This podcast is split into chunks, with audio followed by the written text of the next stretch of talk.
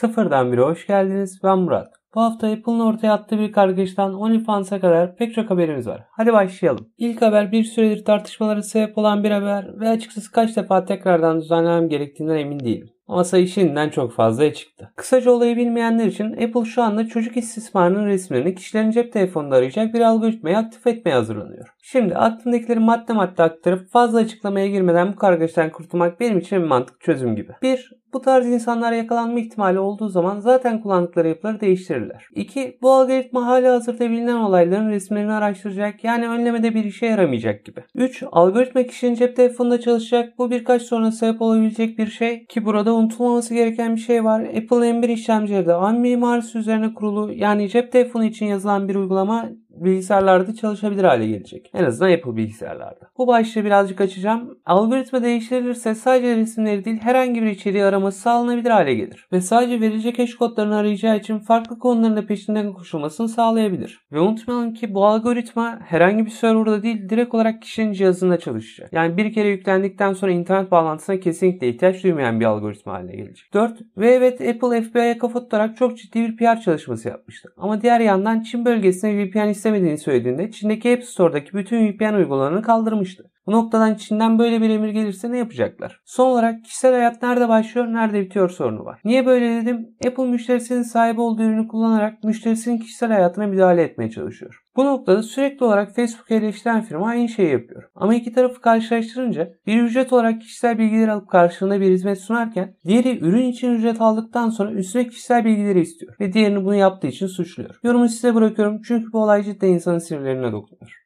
Bilindiği üzere Apple Mac ekosisteminin kapalı kalması için elinden geleni yapar. Bu kapalılığın devam etmesi amacıyla yaptıklarından birisi ise sanallaştırma uygulaması hazırlayan Corellium firmasına dava açmaktı. Mahkeme ön kararında Corellium'un herhangi bir yasayı ihlal etmediğine karar verince Apple anlaşma yoluna gitti. Ve açıkçası Apple'ın bir davadan çekilmesi pek olan bir durum değil. Anlaşma ile ilgili ortaya çıkan tek bir bilgi var. O da Corellium'un ürünlerinin satışının devam edeceği. Başka bir bilgi ne yazık ki ortaya çıkmış değil. Şimdi bu haberde pek çok isim var. Bu yüzden önceden özür diliyorum. Çünkü pek çok ismi katledeceğim gibi. Amerikalı senatörler Richard Blumenthal, Marsha Blackburn ve Amy Klobuchar'ın ortaklaşa teklif ettikleri bir yasa tasarısı var. Ve açıkçası mobil bölgesini oldukça karıştıracak gibi. Yasa teklifine göre Amerika'da 50 milyondan fazla kullanıcısı olan platformlar kendi uygulama marketlerinin dışındaki uygulama marketlerine izin vermek zorundalar. Bunun dışında bu marketlerin açılabilmesi için gereken teknik bilgileri de paylaşma zorunluluğuna sahipler. Bu noktaya kadar her şey sıradan gidiyorken bir sonraki bölümü ortalığı cidden karıştıracak gibi. Kısa hali kullanıcı isterse yüklü olarak gelen uygulamaları ve uygulama marketlerini kaldırabilir maddesi. Tercümesi iPhone sahibi birisi Apple App Store iPhone'dan silebilir ya da Android sahibi birisi Google Play Store telefondan kaldırabilir. Şimdi ilk olarak bu yasa geçerse sadece Amerika'da geçerli olacak. Ama bu durumda diğer ülkelerin de bu tarz yasaları kabul etmesi garip olmaz.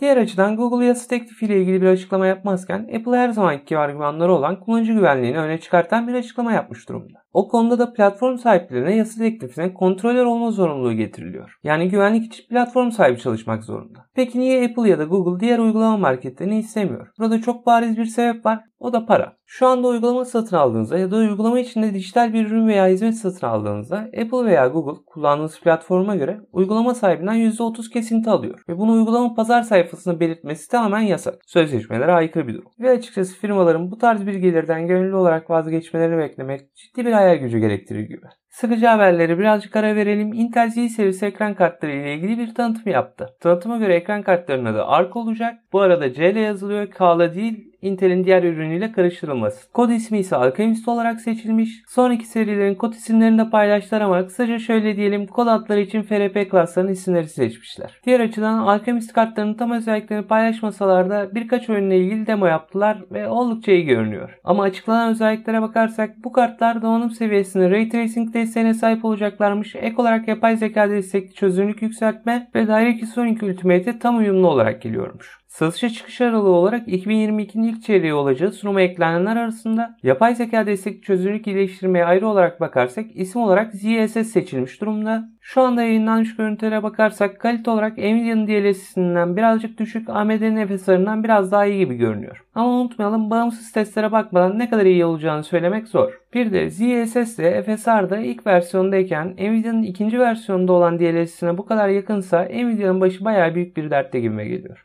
GitHub bir süre evvel çevrim içi programlama sistemi CodeSpace'in kapalı beta testlerine başlamıştı. Firma geçtiğimiz günlerde CodeSpace'in şirket versiyonunun kapalı beta testinden çıkacağını duyurdu. Açıkçası bu tarz bir sistem için 2 sene gibi geç kalınmış olsa da uzaktan çalışma sistemine geçen firmalar için oldukça iyi diyebilirim. BBC'de çıkan bir habere göre TikTok uygulamasına 18 yaş altı kullanıcılara yönelik bazı değişiklikler yapılıyormuş. Bu değişikliklerden bir tanesi oldukça ilgimi çekti. 12-15 yaş arasındakilere akşam saat 9'dan sonra 16-17 yaş ise akşam 10'dan sonra bildirim alamayacakmış. Açıkçası ne kadar etkili olur pek emin değilim ama düzenleme güzel sanki. Şimdi bir hafta ara vermenin cezası bu habere geç kalmak. Olay kripto para piyasasında yaşanmış en büyük kargaşa. En azından şimdiye kadar ki. Polynetwork adlı kripto para borsası 10 Ağustos'ta büyük bir kripto soygununa uğradı. Çalınan meblağın 600 milyon dolar civarında olduğu söyleniyor. Ama daha bir gün bile geçmeden hırsızlığı gerçekleştiren hacker ya da hackerlar Polynetwork ile iletişime geçip parayı geri iade etmeye başlamışlar. Şimdi bu paralar geri gönderilirken üstünde işlem yapılamayan 33 milyon dolarlık Tether para birimi var. Bunun sebebi para biriminin yapısından dolayı dondurulmuş durumda olması. Ama geri kalan meblağ Polynetwork'a ulaşmış gibi. Gibi kısmı ise 200 milyon dolar civarı olan kısmı çift şifreli bir hesapta kilitli. Ve bu hesabın açılması için hackerlardaki şifrenin de bilinmesi gerekiyor. Şimdi buraya kadar olayın kargaşasını geçtik. Hacker tarafından gönderilen bir mesaja göre Polynetwork'ün sisteminde bulduğu bir açığı kanıtlamak için böyle bir eylem gerçekleştirmiş. Bu noktadan sonra hikaye pek çok kişinin beklediğinden farklı devam ediyor. Polynetwork bir açıklama yapıyor ve kendisi Mr. Whitehead olarak adlandıran hacker'ın belirlediği bir hesabı 500 bin dolar para yatırmaya hazır olduklarını, ayrıca hacker'ın bu parayı istediği projelere aktarabileceğini, ek olarak da kendisini baş güvenlik danışmanı olarak görevlendirmek istediklerini açıklıyorlar. Farkındayım normalden farklı gidiyor hikaye ama Polynetwork bunu bir bug bounty hat ya da Türkçe hata avı olarak görüyor. Hep böyle ilginç olaylar da yaşanmış oldu. Ama açıkçası Polynetwork'ün güvenlik şefi ne durumda gerçekten merak ediyorum. Şimdi bu haberden bahsedeceğim aklıma gelmez ama konumuz OnlyFans. Peki OnlyFans nedir? Esas kuruluş yapısı bireylerin hünerlerini sergilediği ve hayranlarının aylık üyelikler alarak onları desteklediği bir platform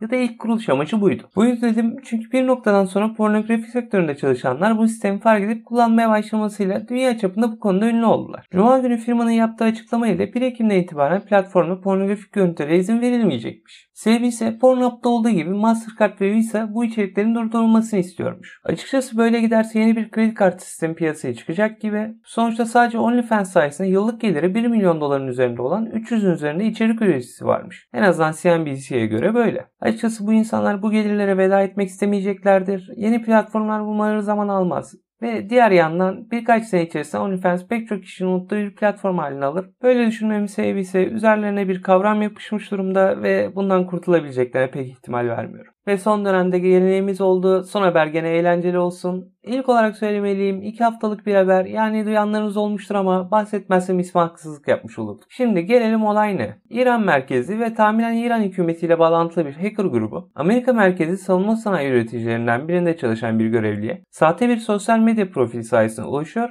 ve arkadaşlık kuruyor. Bu arkadaşlık süresi yaklaşık 8 ay sürüyor. Bu arada sahte hesaptaki kişi kendini ayrı bir öğretmen olarak tanıtıyor. Buraya kadar her şey normal. Sonra bir gün hacker bu görevliye tanıdıkları arasında bir anket yaptığını söylüyor ve yeme alışkanlıkları ilgili bir Excel dosyasını doldurması için gönderiyor. Şimdi güvenlik konusuna az çok bilgisi olanların aşina olduğu bir durum var. Excel dosyaların içerisine makro ismiyle alınan ufak program parçaları eklenebiliyor. Ve bu dosyada böyle bir kod parçacığı var. Kod parçacığı Visual Basic'te yazılmış Lempo isimli casus yazılım. Bu kod parçacığının yaptığı hedef bilgisayar hakkındaki bilgileri belirlenen merkeze gönderip yeni emirler beklemek. Bu arada burada bahsi geçen görevli tedarik zincirindeki küçük firmalardan birinde çalışıyor. Uzmanların yorumu ise tedarik zincirindeki daha küçük firmalara saldırarak daha büyük firmaların ağlarına ulaşmaya çalışılması yönünde. Bu tarz saldırıya da genelde catfishing deniyor. Ama beni bu habere en çok çeken saldırıyı gerçekleştirmeye çalışan grubun adı Imperial Kitten ya da Türkçesi Kraliyet Kedisi. Gelelim hızlı haberlere. Türk Telekom tarafından yapılan bir açıklamaya göre Aselsan tarafından geliştirilen çok band destek cep telefonu verici anten testi başlamış durumda. Söylenenlere göre AMD'nin yeni Epic işlemcileri 96 çekirdek ve 192 işlemciye kadar çıkacakmış. T-Mobile veri hırsızlığına uğramış durumda yine. Yine dedim çünkü son 2 sene içerisinde bu üçüncü veri hırsızlığı olayı. Bu sefer ise yaklaşık 48 milyon kullanıcının verisi çalınmış. Bu arada uyarayım bu hırsızlık yeni mi yoksa önceki hırsızlıkların verilerini mi kullanıyor emin değilim. Ama 30 milyon kayıt için istenen meblağın 270 bin dolar olduğu söylenenler arasında. Çin hükümeti WeChat'i çocukları koruma kanunu ihlal ettiği gerekçesiyle dava etti. Dava ile ilgili ayrıntı paylaşılmadı.